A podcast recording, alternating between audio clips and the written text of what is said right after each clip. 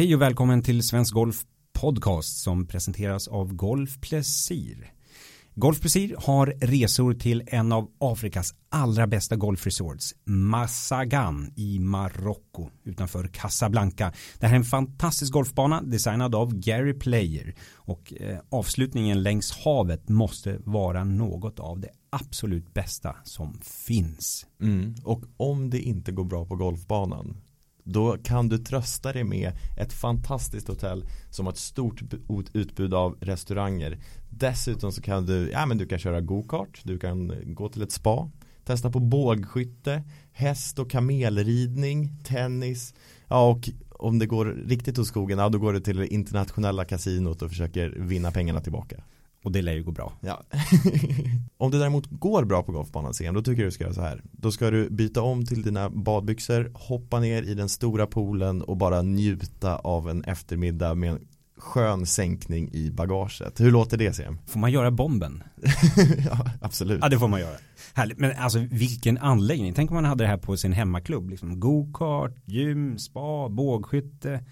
Ja, ja alltså, Fantastiskt. Vilken ja. multianläggning. Absolut. Superbra också om man är en familj där alla kanske inte spelar golf.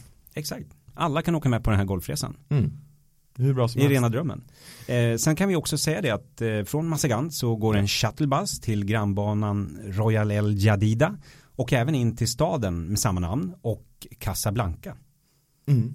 Och den som inte kanske vill hänga vid poolen hela dagen måste ju bara gå ner till eh, havet för stranden är otroligt vacker. Mm. Svensk Golfs superstart som är vårt, vad kan man säga, träningsläger i början av året har varit på Massagan mycket på grund av ett träningsområde som är riktigt, riktigt bra. Utöver då den fantastiska golfbanan. För mer information så besöker man Golf Plesirs hemsida och lyssnar på Golfresepoddens avsnitt om golfen i Marocko. CM, vi säger tack till Golf Plesir.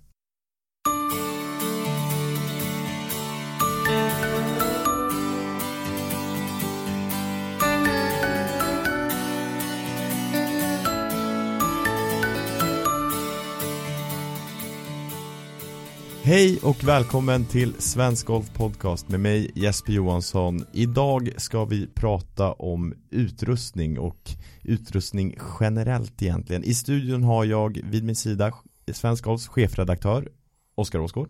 Jajamän, kul att vara här. Vi har också Svensk Golfs redaktör Olof Åsgård. Hallå.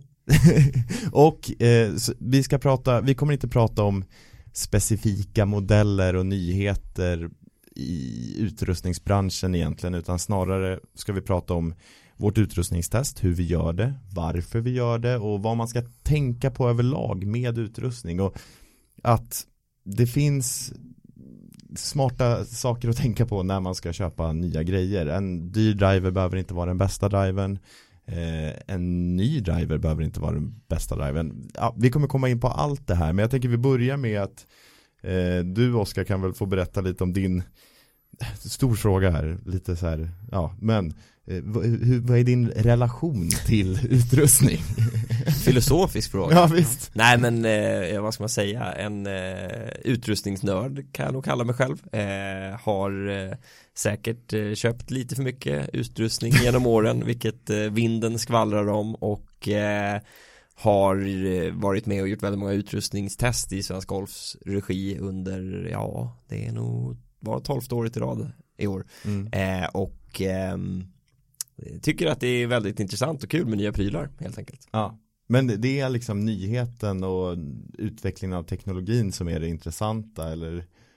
Bra fråga, det finns, eh, det finns charm även i, i de gamla grejerna. Där gjorde vi ett, faktiskt ett intressant test eh, i år. Vi kanske kommer in på det senare, men eh, eh jag, jag, tycker ju, jo men lite är man prylnörd så gillar man ju sånt som är nytt och sånt som kommer och höra eh, ja, har man läst eh, och, och snackat med så mycket marknadsfolk som jag har gjort och läst många pressmeddelanden så känns det som man har matats med, med under, under 12 år allt om att flytta tyngdpunkter och eh, annat eh, vässa kronor och göra träffytor tunnare och sånt. Det finns eh, saker att göra med allt hela tiden. Ja men det gör det ju men det finns någon slags eh, i, ibland kan man nästan tycka att eh, det finns en charm i det hela på något sätt liksom. det, det är ju ja, produktutveckling, det är intressant tycker jag. Mm.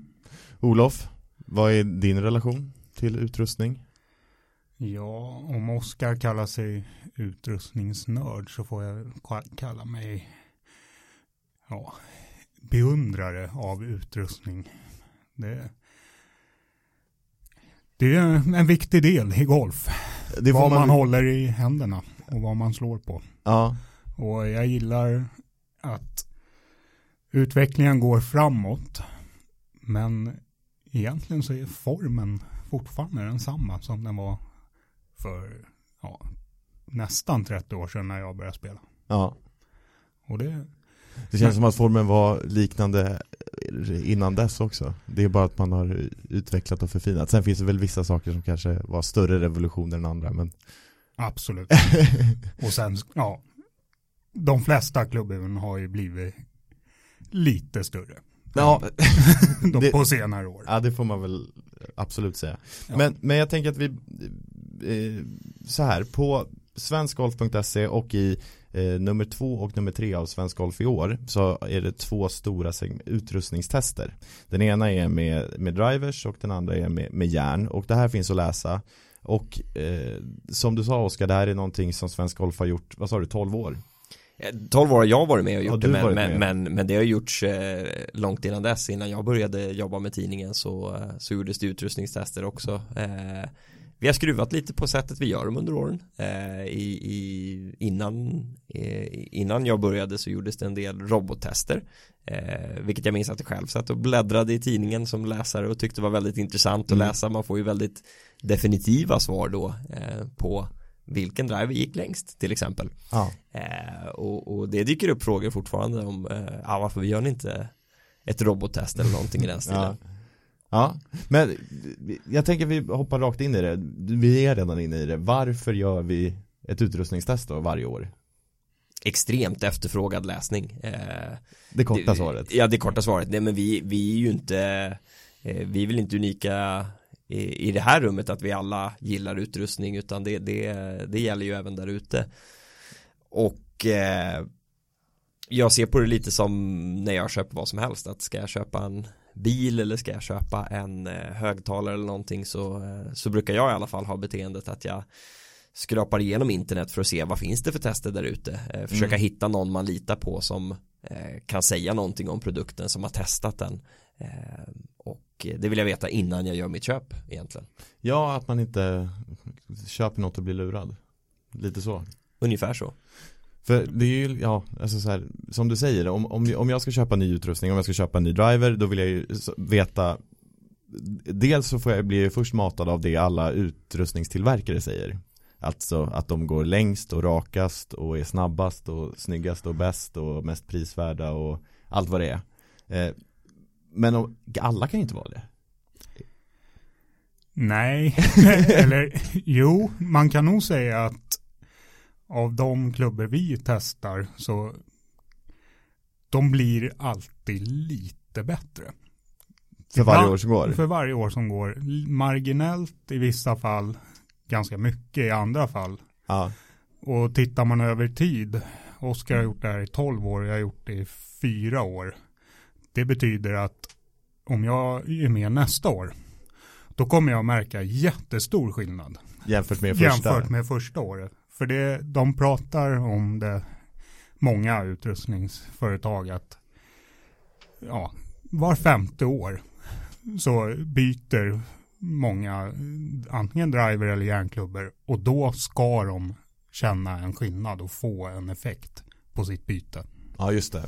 Det där tycker jag är en ganska intressant punkt att fastna lite vid för det blir ju verkligen det här eh, varför om man bara tittar på hur gör vi vårt test vi testar nyheter det gör vi hela tiden och, mm. och det finns ett skäl till det och, och, och, vårt skäl till det är att vi anser att ja, men det andra det har man testat året innan eh, och därför ser vi liksom inte en poäng att testa samma klubba igen även om den liksom finns liksom kvar i sortimentet. Ja det, det, är klart vi kan göra men ja, vi, vi vill okay. ju någonstans så, ja, tro att det inte är lika intressant. Men just det här eh, som du säger där Olof att en utrustningstillverkare om de släpper en ny modell, om vi tar järn till exempel, så kommer det en eh, ny generation AP2 vartannat år. Absolut, det är klart att det, det, det sker förbättringar annars så skulle de ju inte släppa den. Sen är ju frågan då om vi kvantifierar vad ger den här förbättringen Mm. en spelare så kan de ju förstås alltid peka på då också att jo den kommer vara 20% mer förlåtande och så hittar de ett värde och pekar på det. Absolut fan jättebra. Men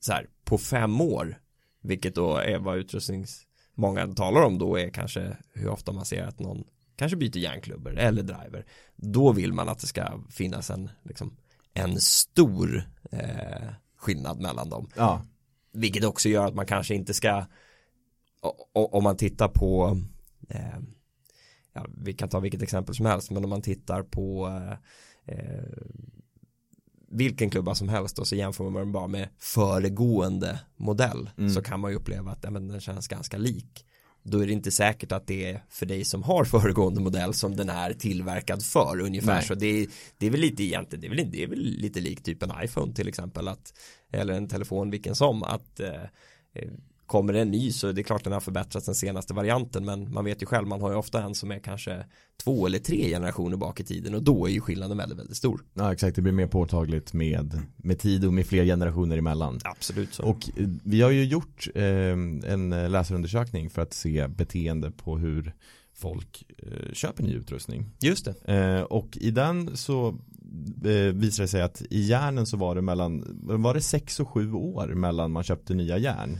Mm. Och om man, vänt, om man köpte järn för sex år sedan, kommer man märka någon skillnad om man gör en utprovning och köper nya idag? Det finns ju ett tråkigt svar och det, det är ungefär så här det beror väldigt mycket på hur bra dina nuvarande klubbor passar Ja just det. Eh, Så att man kan ju verkligen göra som en första fråga till sig själv. Ska jag köpa nya klubbor? Okej, gjorde jag en ordentlig utprovning senast? Mm. Och, och, och om den kändes som att den blev bra och du har trivts med dina klubbor då är det inget som säger per definition att ett nytt järn till exempel kommer leverera fantastiska liksom, förbättringar på nuvarande resultat.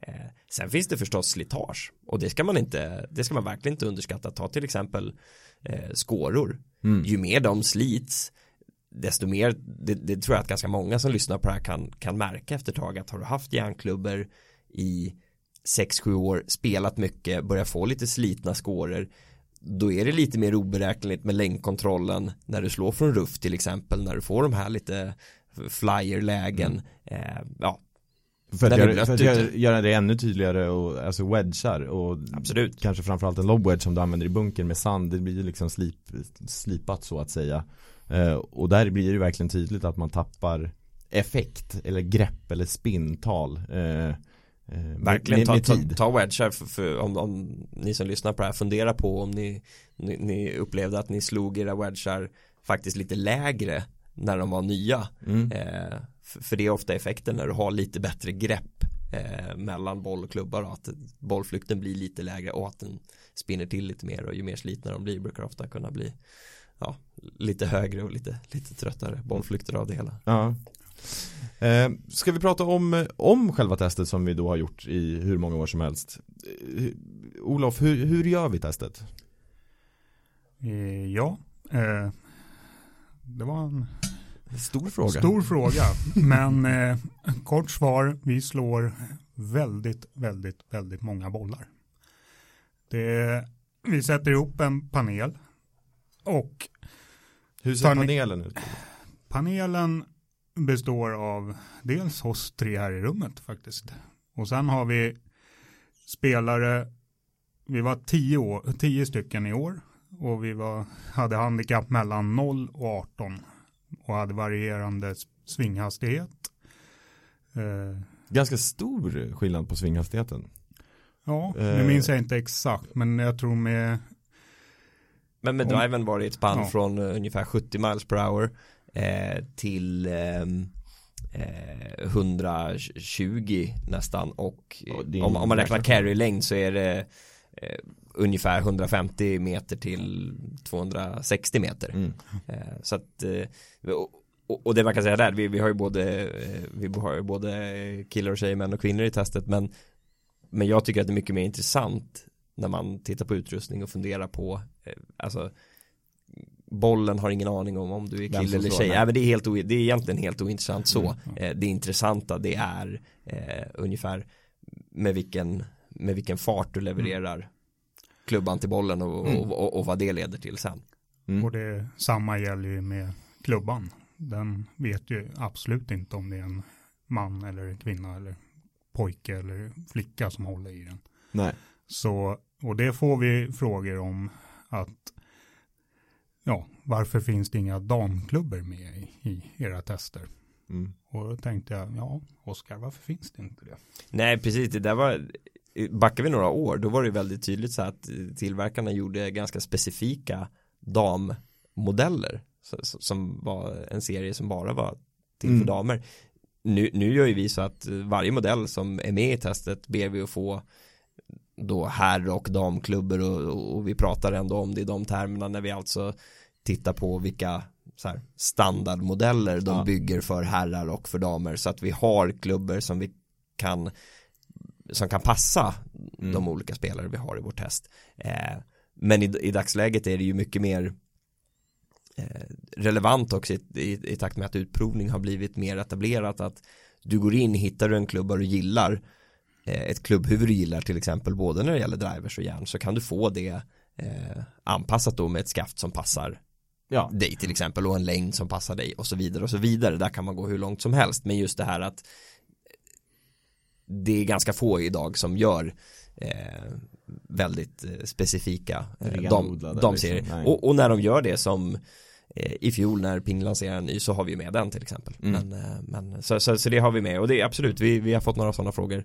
eh, efteråt men, men eh, det är väldigt enkelt att svara på att det, det testet när du läser det ska vara precis lika relevant eh, oavsett om du är herr eller dam. Det är målsättningen. All right. Men med tusentals, tusen och åter tusen golfslag slås. Eh, vi gör också tester med en eh, GC Quad. Eh, Oskar, hur fungerar den? Det är en, eh, en launch monitor helt enkelt. Eh, Den vi använder är eh, baserad på höghastighetskameror. Den har fyra stycken som tar bilder precis när bollen träffas och Mm. efteråt. Vilket gör att den kan vara väldigt exakt i mätningen av till exempel utgångsvinkel, spintal, bollhastighet. Och det här har vi ju framförallt med drivers som en jag- jag tror många kan relatera till det att ställer man sig på en driving range och börjar slå massa drivers så blir det efter ett tag lite svårt att skilja den ena från den andra för man ser bara så mycket. Två Mm. bollflykter kan se ganska identiska ut. Du försöker, Framförallt om man slår Mm. väldigt, väldigt många slag. precis, Till då slut börjar du bli blind. Man, ja, precis. Och därför har vi den som en eh, eh, som en kontrollfunktion egentligen Mm. som kan eh, ge oss lite hårda fakta på hur olika klubbar presterar och det är också väldigt intressant att se det. Vi kan göra lite specialtester med den. Vi kan se vad som händer när man flyttar vikt i klubborna. Mm. Vi kan se vad som händer när man eh, testar olika skaft och så vidare och så vidare. Eh, och, och det ger oss väldigt bra jämförelsetal då eh, för olika individer. Mm. Utöver eh, eh, foresight och liksom hårda siffror så är vi ju, gör vi också en, vad ska man säga, vad kan man kalla det, en, en subjektiv del av testet. Mm. Eh, Olof, då är det utseende, träffkänsla och, vad missar jag, sista punkten? Förlåtande, Just det, Just förlåtande det, också. Precis. den har Ljudet vi. ju träffkänslan. Ja. Och den här subjektiva delen, den är faktiskt, tycker jag, den mest intressanta. Alltså vad känner man när man slår den här? Trivs man med något eller inte? Hur låter den? Hur är känslan i händerna? Hur, hur ser bollflykten ut? Är man nöjd? Går den lågt? Går den högt? Och så när man, om man bara plockar ut en klubba från shoppen och testar, då har man bara en höjd. Man har bara en känsla i händerna, man har bara en, en av varje. Mm. När vi gör vårt test så har man, vi hade 20 järnklubbor i år Mm. då kommer man snabbt se att oj, den här gick högre, den här gick lägre, den här var hård, den här var stum, den här var mjuk Mm. och så. Och det, Att det faktiskt skiljer mellan det, modellerna? Ja, det skiljer väldigt mycket mellan mo- modellerna. Och det här, det är ju personligt, Mm absolut. Och därför så tycker vi att eh, man ska se de subjektiva ja, värdena i det här testet som vägledning Men man ska, man ska testa många klubbor när man, innan man köper ett nytt. Ja, det tycker jag verkligen man ska göra. Framförallt med tanke på eh, priserna. Alltså, om, ja men att tar järnen som exempel. De har ju ökat rejält i pris på senaste, så det är ju en stor investering man ska göra. Och angående det, eller apropå det, är är, om jag, jag köpte ett par järn för sju år sedan och ska byta upp mig i år Ska jag köpa senaste modellen eller kan jag titta bakåt i katalogen och försöka hitta någonting begagnat? Vad tänker ni kring det? Jag tycker att det viktigaste och det bästa rådet man kan ge där det är ju just det här att du måste, du måste, hur du än gör så måste du testa klubborna själv. Du kan ju hitta utmärkta klubbor i, i teorin om du köper dem av en vän eller på Blocket eller var som helst. Eh, nyckeln är ju bara att du måste utgå från dig själv i det här läget. Eh, ett par golfklubbor kan vara precis lika individuella som ett par skor eller ett par jeans eller mm. eh, en kjol eller vad som helst för att det, det är så eh, det märker vi så extra tydligt i testet. Ingen spelare är ju en annan lik. Vi sitter tre stycken i det här rummet. Nu kanske vi är skapligt homogena sett till eh, handikapp och, och, hur snabbt vi svingar och så vidare. Men trots det vet jag, vet jag jättetydligt att vi kommer ha olika favoriter. Så blir det varje år. Mm. Eh, vi kommer ha olika klubbor som vi tycker passar oss bra och så vidare.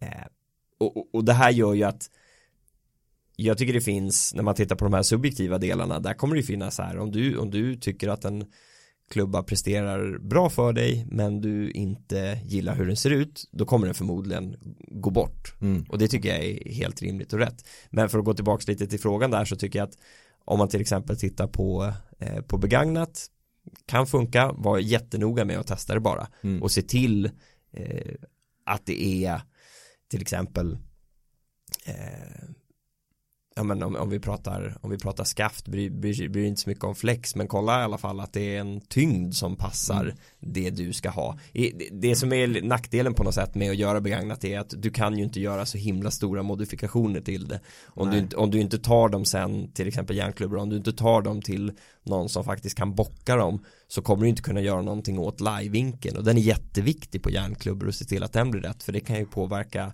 precisionen med 10-20 meter utan problem om du har väldigt fel livevinkel. Det går ju helt enkelt inte att slå eh, järn med väldigt fel livevinkel om den bara är fel på några grader. Men så definitivt det och sen har vi redan berört lite det här tycker jag kanske med okej okay, behöver du köpa det senaste för att få mest ut av din investering då ska du köpa något som du är säker på passar dig mm. och det kan ju mycket väl vara en klubba som kom för ett år sedan så där tycker jag om Ja men för passa dig, det måste ju också ingå någonstans en ekonomi i det ju. Det ska passa plånboken också. Ja men självklart. ja, och, och, det ser vi ju i, jag, jag, tycker faktiskt att om man tittar på de senaste åren så har ju skillnaden mellan lägsta och högsta pris, den har dragits ut. Den är mycket mm. större idag än vad den var för, för tre, fyra år sedan. På drivers så rör vi oss igår tror jag mellan 3 och 6 tusen kronor av de vi testar. Det, ja. det, där i spannet, det, mm. det, är ju, ja den dyraste är alltså dubbelt så dyr som den billigaste. Eh, och, och, det säger ju, det säger ju ganska mycket, då tänker man ju så här, vadå jag kan köpa två av den här mm. för, för precis av en. Och eh, vad, vad, kan man se då, tittar vi på drivers, vad får du om du köper en dyrare driver? Du får, om vi generaliserar, lite mer möjligheter att anpassa den och då menar vi i form av till exempel att du, du har ju definitivt en justerbar hosel. De allra billigaste har inte alltid det. Eh, det gör inte en driver bättre i sig, men det gör det lite lättare för en utprovare att finjustera den så att du får en klubba som passar dig bäst. Eh, och även vikt och möjlighet att flytta vikt i klubbhuvudet. Mm. Eh, Ska vi prata lite om, om alla justeringar och liksom, ja men framförallt, eller egentligen bara på drivers och ja, men vissa woods också. Att hur mycket påverkar det? Hur mycket påverkar en vikt i botten om jag flyttar den till dråläge eller fejdläge? Jag kan nästan fråga dig, jag kan ju svara, för du var ju med och gjorde ett av de testen. Ja. Och, Upplevde du någon skillnad? Eh, ja. Jag, jag, jag trodde inte att det skulle vara så stor skillnad som det var Men vi, vi gjorde flera sådana här tester och bland annat så testade jag eh, Ping G410 och deras standardmodell och deras eh, draw-modell. eh, Straight Flight Technology, eller vad är ja, SFT. Exakt, exakt. Eh, och eh, jag har lite bekymmer med en högerskruv. En kraftig fade ibland. En snygg fade, nej strunt samma. Men med SFT-modellen, den som alltså är viktad så att den ska gå med vänster, så slog jag faktiskt rakare. Så att ytterligare en anledning till att testa ut och eh, se, se vad som passar dig. För att Men där, där kan ni kolla, det var ju ett mirakel. om, om ni har några minuter över så kan ni kolla på filmen som vi gjorde om just drawdrivers. Ja. Eh, Den ligger ute på, på vår YouTube-kanal och på, på svenskgolf.se. Men det, jag minns att när det började komma eh, vikter i klubbhuvudet och då backar vi ju nu eh, över tio år. När vi var på utrustningstesterna då och tittade på de här och började skruva det var ju extremt exotiskt då eh, de tidiga TaylorMade modellerna och man kunde Just flytta, flytta några vikter lite sådär. Och man var ganska det, det, det kändes som att det lovades guld och gröna skogar i vad man skulle kunna åstadkomma eh, och, och man var ganska skeptisk faktiskt när man började testa det där. Men det jag ser idag det är ju att de om man tar till exempel just SFT-modellen eh, Ping G410 då så har Mm. de ju en vanlig och den som heter SFT som är draw-modellen den som är draw den har ju då alltså en inbyggd viktning som är mycket mer mot hälen för att underlätta Mm. eh, att klubbhuvudet eh, stängs i svingen Mm. och, och istället för att kalla det för en draw-modell det är liksom en, en slice-hämmande modell men den är ju alltså då mycket bättre anpassad för att motverka en slice än vad den vanliga modellen är om du bara flyttar vikterna där. Så att och flytta vikt i klubbhuvudet det påverkar verkligen. Och det finns ju idag ett mycket större spann där ute mellan olika placeringar av Mm. tyngdpunkten i ett klubbhuvud än vad det gjorde för tio år sedan. Så att du har mycket lättare att hitta rätt idag om du verkligen testar dig igenom och, och ser okej om jag testar en riktig lågspinsmodell som ofta har vikten lite Långt längre fram. fram i klubbhuvudet närmare träffytan Ja, jag lovar er, har ni inte testat så testa och se, och- och se vad det påverkar Mm. era, era spintalsiffror. Sen betyder inte det att det är någonting för alla, tvärtom det är någonting för, för, för ganska få egentligen att att gå på en sån ganska Men- extrem klubba. Men för vissa kommer det leverera dina längsta drivar eh, Ja. någonsin. Ja, och om du ska investera så mycket pengar i ny utrustning, se till att göra det korrekt från början. Eller i alla fall testa alla olika modeller. Jag kan ta ett exempel från det här utrustningstestet med eh, TaylorMades nya driver. Eh, M5 som också har en inverted T-track. eh, och, Fint. ja, det är väldigt bra. Och, och, Om vi översätter det lingot då, för, för Ja, men den har alltså en eh, Den har två, man kan säga att det är två skenor på botten. En i horisontellt, eller en i sidled och en i djupled. Är det Om tydligt? Ja men om vi tittar på klubban underifrån. Du kan justera vikt närmare och längre bak från träffytan och du kan justera den mot tå och hälen. Ja, exakt. Eh, och då var det två i panelen som inte alls tyckte om den. Och, och sen så, så började vi skruva lite, de tyckte inte den kändes bra, alltså känslan var inget bra. Eh, resultaten var helt okej. Och sen så började vi ändra lite på vikterna och då ändrades också liksom deras känsla, svingkänslan och liksom, ja, träffkänslan och de fick bättre resultat, då blir man gladare. alltså, så det, det kan också vara en anledning till att man ska kanske göra lite mer med det där och, och verkligen investera lite tid i att ställa in sakerna korrekt. Liksom. Och kollar vi på järnklubbor, där kan ju du berätta lite Olof hur vi valde att göra en skillnad i testet i år jämfört med tidigare. Att när du läser det så ser du alla modeller jämförda med varandra. Ja, tidigare så delade vi upp dem i toppjärn, spelförbättrande och superspelförbättrande. Mm. Och ja, man kan väl säga att det var svårt, mellansvårt och lätt spelat järn, de kategorierna.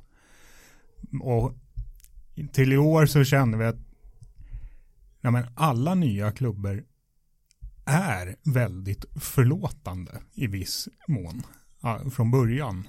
De är, skiljer sig definitivt i storlek och tekniska ja, delar som hjälper till eller så. Men vi kände att de här, man ska inte låsa in sig i en kategori. Så har man ett spelförbättrande järn Så det blir många klubbor i det här i segmentet kan man säga.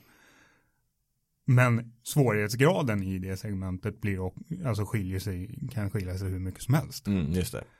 Så därför lät vi deltagarna i år bara testa alla klubbor märke för märke för att se skillnader dels inom märket men också inom jämförbara modeller i andra märken.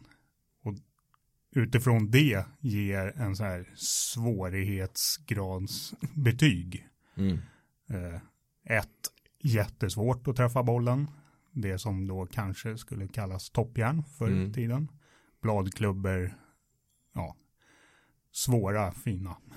och 10 poäng då extremt förlåtande. Stora klubbhuvuden, mycket mycket sula och kött Mycket sula bollen. och tjock topplinje och så. Mm. Svensk Golf Podcast är sponsrat av Golf Plesir som i det här avsnittet tipsar om resortanläggningen Masagan som är belägen utanför Casablanca staden med samma namn som filmen som du var och såg premiären av CM Hellsten. Jo, jo, tack för den. 1942. Eh, Jag missade den med något år. Ja men det är nära i alla fall. Ja men det är det. Eh, på den tiden var det ju Humphrey Bogart och Ingrid Bergman som spelade huvudrollen. Nu sitter de vid det här fantastiska poolområdet och bara softar och njuter. Mm. Välförtjänt. Istället är det Gary Player och Massagan som spelar huvudrollen på mm. den här fantastiska resorten. Mm. Vill man veta mer om den här resorten Massagan och den fantastiska anläggningen den är som har någonting för alla oavsett hur golfintresserad du är så är det eh, varmt rekommenderat att åka dit. Eh, vill man veta mer om det så ska man lyssna på Golfresepodden och deras Marocko-avsnitt. Och man kan också läsa mer på golfplicir.se. Jajamän. Vi säger tack till Golfplicir. Men jag tycker precis med järn, precis som med driver så finns det ju en en enorm palett av olika klubbor där ute och det, det går ju verkligen att med hjälp av det man, ja men om man läser testet och det, det man ser där få en bild av, okej okay, det här skulle kunna passa mig men att verkligen sen ta sig tid och jämföra mm. de olika för det även om två järnklubbor ser väldigt likadana ut och, och riktar sig mot ungefär samma målgrupp så kan du ju hitta saker som att sulslipningen är lite annorlunda eh, och, och mm. den ena kommer passa den ena spelaren bättre på grund av att den kanske har en, en brantare eller en flackare mm. infallsvinkel till bollen. Det finns ju alla de här små små, små detaljerna som man egentligen mm. man kanske inte tänker på dem och man kanske inte överhuvudtaget visste att de existerade eller behöver bry sig så mycket om det. Men det går ju inte nog att underskatta vikten av att faktiskt eh, få känna på klubban hur den presterar mm. först innan man testar igen. Och ska vi lägga till något där som är ett riktigt bra tips det är ju det här och när du testar och kanske framförallt eh, med drivers det vanliga är ju att man gör det på en eh, eh, antingen i en, eh, i en butik inomhus. Och då har du ju ofta en, eh, en, en launch monitor till hands. Gör du ute så får du ju också det på de flesta ställen om du, om du gör det hos en butik. Men med just det här att du kan använda olika bollar vid de här olika tillfällena. Det kan vara eh, ofta när du gör det ute så är det ju rangebollar du testar med. Och jämför du då resultat från en utprovningssektion med andra resultat där du kanske använt två olika typer av launch monitors eller två olika typer av bollar då blir de där värdena inte särskilt jämförbara Nej. så tipset är ju verkligen att ta ett tillfälle när du ställer dina favoriter dina liksom sista eh, val ja, ja, de måste ställas mot varandra vid samma tidpunkt för att du ska få relevanta jämförbara mm. Både känslan eh, som du själv upplever men också de, de värden som samlas in. Eh, för en, en, en rangeboll som är hårdare och en som är mjukare kommer påverka känslan otroligt mycket. Mm. Så, och därför när vi gör testet så försöker vi då se till att vi håller oss till en bolltyp. Mm. Och när vi samlar in data så gör vi det med en, eh, ja vi har valt en riktig boll eh, för, för att få så jämförbara värden som möjligt då. Men, men, men det, det, det är ett ganska bra tips som är väldigt lätt att eh, gå bort sig på. Jag har definitivt fallit i den fällan själv och märkt hur oerhört eh, eh, ja, oerhört skevt det blir. Jämför så. Och sen eh, tar vi ut klubborna på banan också. Och det är också ett bra tips om det, Om det är möjligt. om det är möjligt att faktiskt innan du köper nya klubbor testa på banan. För att stå och slå mot en flagga eller skylt på ranchen det, det blir monotont, du ser inte hur bollen beter sig, du får bara en variabel, höjdvariabel. När, när du är ute på banan då kan du se hur, ja, hur bete, beter sig bollen in mot green, från 10, Mm. Ja, är, är det, hittar jag samma skruv på banan från 10 som jag gör på ranchen? För det, det är inte säkert. Nej. Och Nej, och det blir mer definitivt att Ja.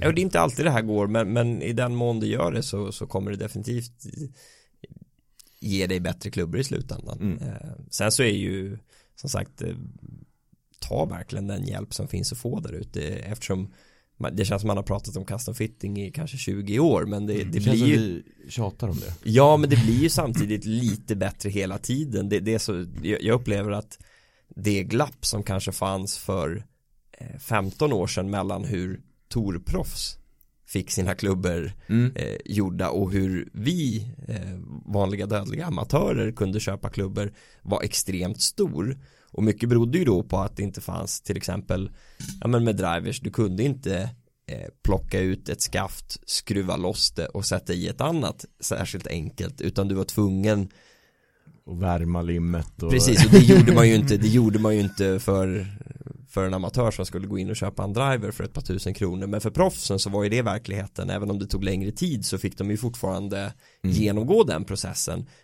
Det här har vi ju alla tillgång till idag, så att eh, spelfältet är på något sätt har jämnat ut Ja men det har det, för det är inte Det finns faktiskt inte så mycket hokus pokus, det är inte, det är inte dopade klubbor som proffsen har på något sätt eh, i, I vissa fall så har de eh, dyrare skaft som är särskilt anpassade för att ofta för att klara väldigt snabba golfsvingar.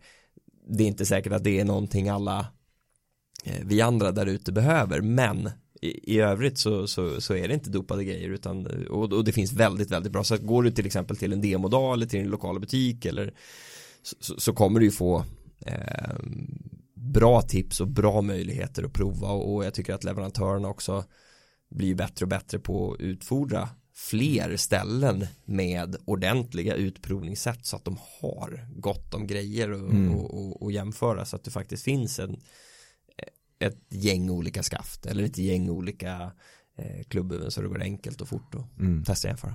Jag skulle säga att det kanske är wedgarna som skiljer mest mellan proffs och amatörer och det är väl kanske fortfarande till viss del. Med tanke, jag tänker på sulslipningar och sånt som de ofta gör liksom för hand. Men nu för tiden så finns det ju så många olika wedgar även i butik med olika bounce och, och liksom, ja, olika vinklar och sulor. Så Det är väl bara att ta fram lite sandpapper där hemma och börja, lite börja sli, slipa loss lite och se var man hamnar om man vill ha en lite avfa- man vill ha en lite avfasad häl så bara slipar man bort den lite.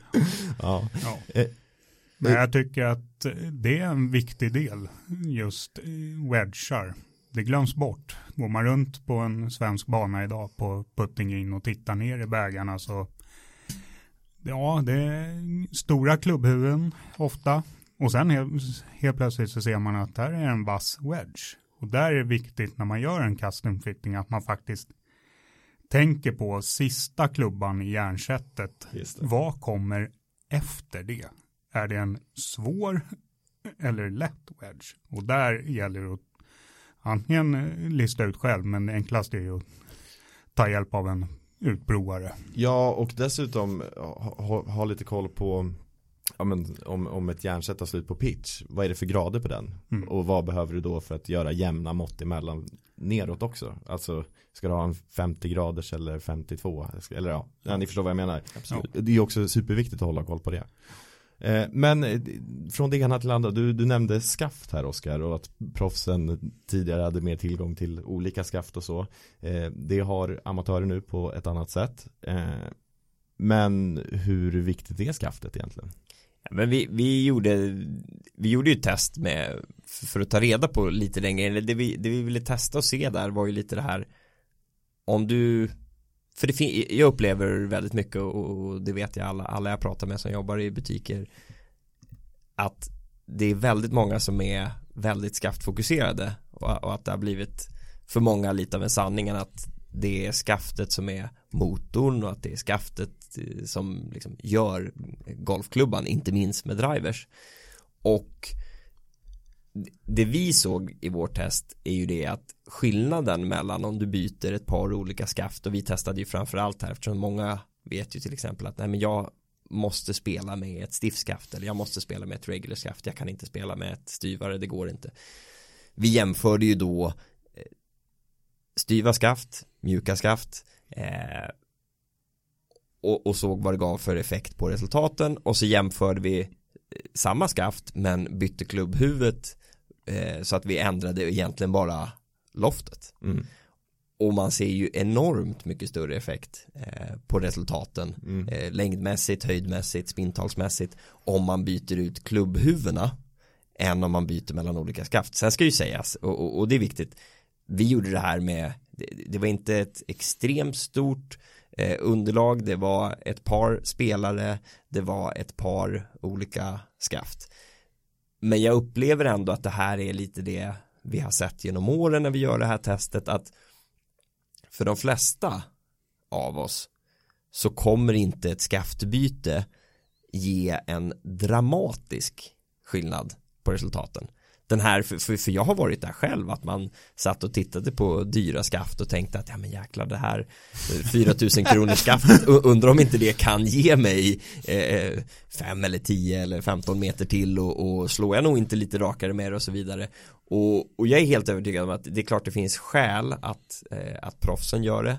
Eh, jag är själv en anhängare av alla de som säger att eh, för det är vad jag själv har sett men jag litar också på dem som i utprovning ser att ju snabbare du svingar desto större krafter utsätter du skaftet för och desto viktigare blir det i det läget att det klarar av att stå emot de krafterna och, och då kan det behövas jag menar när du har skaft som då har mer eh, avancerad konstruktion, dyrare material eh, så kan du uppnå ja, en lite mer eh, fin eh, en finare optimering av det och, och, och, det kan bli bättre. Så, så det, det ägnar sig ju proffsen åt men jag tror att Ett tips för oss glada amatörer? Ja men det är ju att eh, lägg mycket tid på att hitta, hitta rätt loft, hitta ett klubbhuvud som du trivs med.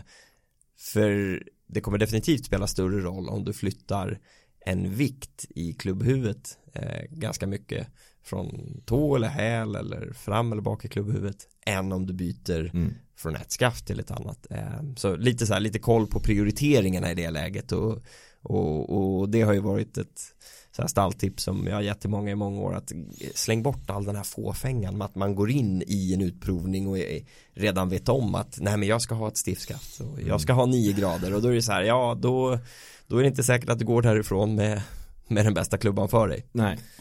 Som, eh, eh, som exempel, så jag var en av de här försökskaninerna i det här testet och jag testade då med eh, klubbhuvud med olika loft. Och mellan 12 grader och 9 grader skilde det 26,6 meter i carry-längd.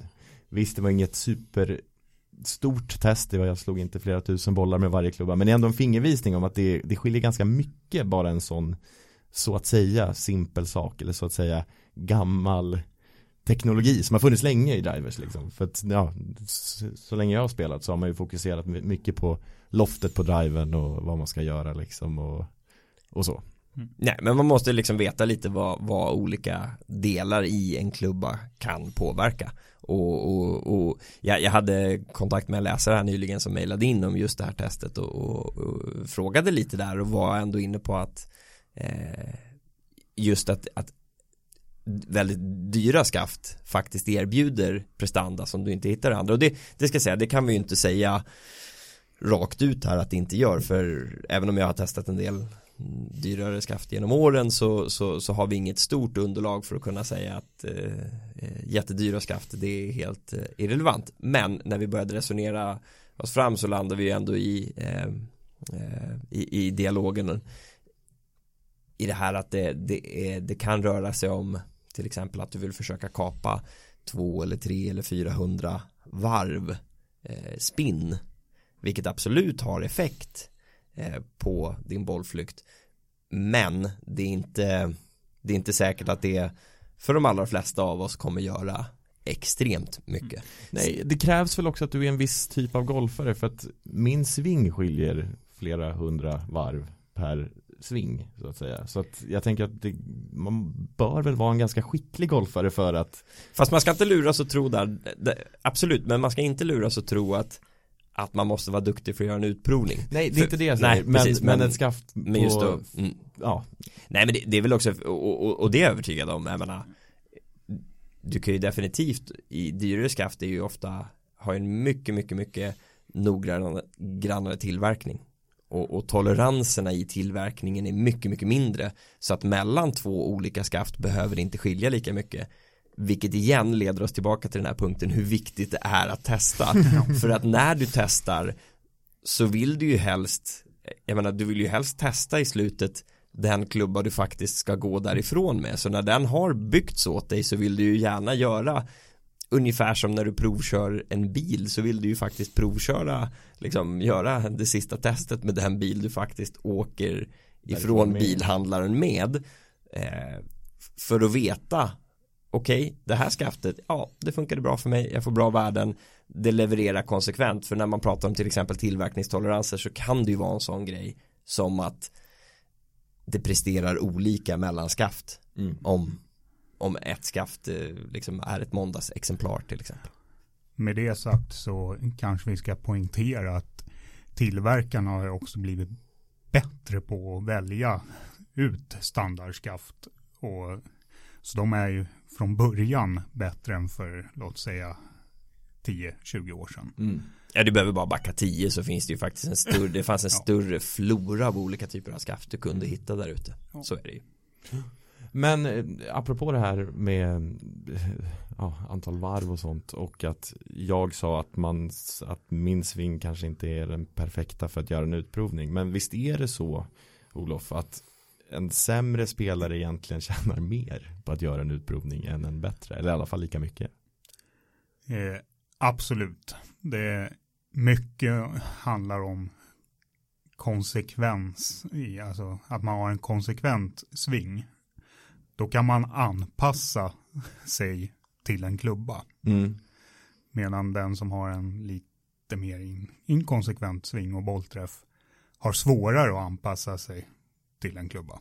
Och det här, Oskar pratade om livevinkel, extremt viktigt att den blir rätt. Och sen, mm, ja, vad har man mer?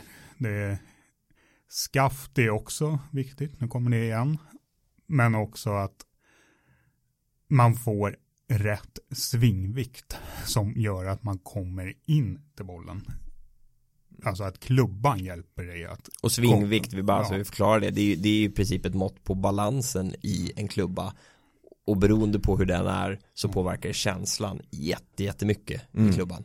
Att den känns väldigt olika om du har, du kan ha samma Ja du kan i princip, du kan ha samma klubbhuvud, samma skaft och sen så hänger du på massa blytejp på den för att förändra svingvikten för att hänga på väldigt mycket, men ändå eller att du lägger väldigt mycket vikt upp i änden på skaftet så, så förändrar ju det balansen på klubban totalt och det kommer kännas helt olika att svinga med Ja, och från alltså, gång till annan. verkligen helt annorlunda. Det ena är ett fiskespö och den andra en slägga, typ. Alltså det är en Exakt, enorm ja. skillnad på det där. Nej men just det här att alla de här små, alla de här små detaljerna som faktiskt går att anpassa och kommer göra ditt spel enklare och, och inte försvåra det i onödan. För vissa kan det ju vara en så enkel grej som att man har fel grepptjocklek. Mm. Ja, Det, det är så här e- e- extremt eh, eh, underskattad grej att titta på men, men vi har ju alla olika stora händer Mm. och, och jag vet under alla de här teståren när man har spelare som kanske har eh, mindre händer och så får de klubbor som från standard har väldigt tjocka grepp ja det känns ju, det, det går ju knappt att slå med och tvärtom Mm. så, så, så det, det finns ju så extremt många sådana där parametrar och det, det är inte nödvändigtvis så att man måste ha koll på alla själv och det är därför det är ganska bra att ja, men ta hjälp av någon som, Ja. som faktiskt har koll på Mm. det här och gör det här dagligen. Mm. Det är ju, Och är man nybörjare då lär man sig oftast. En uppställning, en rörelse och allt sånt. Och får man då en klubba som inte stämmer överens med den rörelsen och den uppställningen, ja då blir det svårt. Medan en bättre spelare, om han eller hon får en, ja, en da, dam eller barnklubba, Mm. så kommer han eller hon automatiskt anpassa uppställningen och rörelsen till den. Mm. Och det där är värt att tänka på varför just nybörjare och de ja, lite sämre spelarna har mer nytta av en custom fitting. Mm. Klubbor som är anpassade efter sig själv helt enkelt. Ja. Slipper man tänka på att anpassa sig. Det är super. Ska vi kanske gå runt bordet här? Hur ser det ut Jesper? Har du anpassat dina klubbor? Jag har 0% anpassade klubbor i min väg. Där har du nyckeln till, eh, till handikappsänkningarna fram, framöver i år då. Ja, ja, jag kan ju inte träffa planeten med min driver. Så det, det kanske är dags att, att, att titta lite på det där. Olof? Ja, jag har två anpassade set hemma. Eh, Den ena var inte anpassat bra nog eller? Jo, det, alltså det, det stämde väl överens med livevinkel och loft och skaftlängd och skaftflex och så. Men eh, jag valde nog fel klubbhuvuden tillsammans med min utprovare. Så, men nu har jag ett nytt Som känns bra? som känns mycket bra. Mm, du kan inte skylla på dem i alla fall. Nej. Eller? Nej, Oskar? Jag har eh, en utprovad driver Jag har en utprovad spoon Jag har en spontanköpt eh, driving iron eh, Jag har ett utprovat järnset eh, Jag har en spontanköpt putter Och ganska spontanköpt Ja, någon mån spontanköpta wedgar. Eh, Historiskt har jag ju verkligen inte följt de egna råd jag har, har gett. Eh. För precis som alla andra, jag minns så särskilt eh, när jag såg ett, eh, ett eh, järnset eh, Nike, eh, Nike järn den här Tiger Woods modellen bladklubbor som jag bara ropade hem för att de var på rea eh, 3 500 vilket drömpris tyckte jag. Och, och det visar ju sig att jag spelade väl med dem i kanske två eller tre år eller något men det var ju givet att de inte passade mig särskilt bra. Jag tror inte jag spelade min bästa golf under de åren men Nej. jag tyckte klubborna var väldigt fina och det är de nu också även om de står på vinden. Men eh, Men de är vackra på vinden. de är väldigt vackra på vinden, det, det ska sägas. Om man någon gång får ett hus stort och har så här klubbor man kan hänga upp på en vägg så tycker Ja, jag att ja, men då skulle de, då skulle de kunna platsa där Men eh, eh, Ja, nej, så jag har, jag har syndat lite för blivit lite bättre nu. Eh, Jag känner att varje år på utrustningstestet säger jag att jag ska köpa en ny driver. Eh, Men jag har nu inte gjort det på fyra år utan trivs väldigt bra med den jag har. Jag har inte hittat någon som har övertygat mig tillräckligt mycket Nej. så jag, så jag vågar byta ut den. Men tids nog ska väl det hända också. Ja, men det är ju någonting som jag har märkt från de här utrustningstesterna att ja, det är extremt viktigt att testa ut. Alltså man, man tjänar verkligen på det. Det är inget snack om saken. För då börjar man att slå en driver som är, ja men säg standardinställd och sen så börjar man eh, röra lite på grejerna, man byter till ett annat skaft och det är en helt annan klubba liksom. Så ja, från och med nu säger vi, jag lovar och svär. ja. Nej, sluta nu. Du köpte ju en putter på Blocket här för bara men från och bara några veckor sedan. Ja, från och med nu. Förlåt. Okej, från och med nu. Ja, absolut. Ja, det ska också sägas att jag i helgen köpte en annan grej på en parkering. Så att jag, Oj, ja, på en parkering? Ja, på en parkering Det här får du bjuda på. Vad köpte du? Jag köpte driving iron. Ja, okej. Jag kände att jag behövde, behövde något säkrare från TI. Det visade sig vara en eh, halvdan investering kan jag väl säga. Men det, det, det måste få lite tid att värma upp och sådär. Så ja. Det är för tidigt att utvärdera. Ja, Ja. exakt. Får På tal om eh, Tiger Woods som du nämnde där om Nike så var jag på Augusta och lyssnade på hans presskonferens. Ja. Och det här kanske är glädjande för de som lyssnar som känner, ja, ser lite osäker kring vad man ska ha och sådär. Tiger Woods, han eh, har nyligen för två år sedan börjat spela med driverhuvuden som sätts på skaftet, alltså inte limmas. Och det här tog jättelång tid för honom att förstå hur han skulle göra. Han fattade inte. Så han gick och frågade Dustin Johnson och Rory McIlroy, hur gör ni? Hur funkar det med det här? För han var ju så van, han har spelat Ja. i, i alla tider med ett, Limma. dra, ett limmat driverhuvud. Och nu när han har bytt till sånt som går att justera. Så det tog tid. Men nu, ja. Det är otroligt. Han visar ju ganska att eh, nu verkar han ha lärt sig. Ja, Men vi, vi, vi, är ju, vi är ju vanemänniskor och i det här fallet är det ganska extremt, jag kan tänka mig på den nivån och verkligen kunna lita på eh, att grejerna funkar. Ja. Det, det, det, så, så är det ju precis som Ja men som sagt, nu, inga jämförelser i övrigt mellan eh, Tiger Woods med Bolton här, verkligen inte ja, dålig övergång överhuvudtaget, men så här att man behåller en driver väldigt länge, ja men man blir ju trygg i det. Mm. Eh, Henrik Stensson eh, med sin spon Mm. Någonstans vill man ju tro att Alltså tekniken har ju, jag, jag, jag minns så tydligt när, när vi var på utrustningstestet och testade den där Diablo-modellen för massa år sedan Teknologin har ju trots allt gjort lite framsteg men är man trygg med någonting så ska man ju inte på något sätt det, det, ja, det kan ta tid att verkligen hitta någonting som passar. Sen kan man ju hålla fast vid det. Men, eh, men med det sagt det, det, och ha lite öppet sinne varför inte bara gå och testa? Jämför. Hur presterar någonting annat jämfört med det du har? Eh, det- värsta som kan hända är att du inte köper någonting nytt. Då har du inte l- lagt så mycket pengar på det överhuvudtaget. Nej. så att Nej, men mjuka värden är viktigt också. ja, Alltså att man känner sig trygg över bollen och att man vet att den här har presterat förut och, och sånt. Eh, det känns som att vi skulle kunna sitta och snacka utrustning hur länge som helst ja, Ja. det är ett ämne som eh, aldrig riktigt sinar. det berör Ja, men verkligen. Och eh, alla har sin story lite så. Eh, men vi har inte tid och möjlighet att göra det. Så jag tycker att vi, vi rundar av nu. Eh, men innan det vill jag tipsa om eh, Vi har gjort massvis med utrustningsfilmer som finns på vår YouTube-kanal och på svenskgolf.se eh, Och så- testet ligger ju också där uppe om ni där vill också. eh, läsa mer av det och hör gärna av er till oss. Eh, ni hittar våra mejladresser eh, i tidningen Mm. eh, eller eh, på hemsidan. Mm. Eh, hör av er om några utrustningsfrågor. Jag svarar ofta på utrustningsmail från intresserade läsare. Tycker det är jätteroligt att diskutera. Mm. Eh, som sagt, det är något som berör och eh, vem vet, det kanske finns ämnen där som vi kan ta upp i framtida poddar. Mm. Eh, tack så jättemycket för att ni var med i podden Oskar och Olof Tack, kul att vara med. Vi säger tack och hej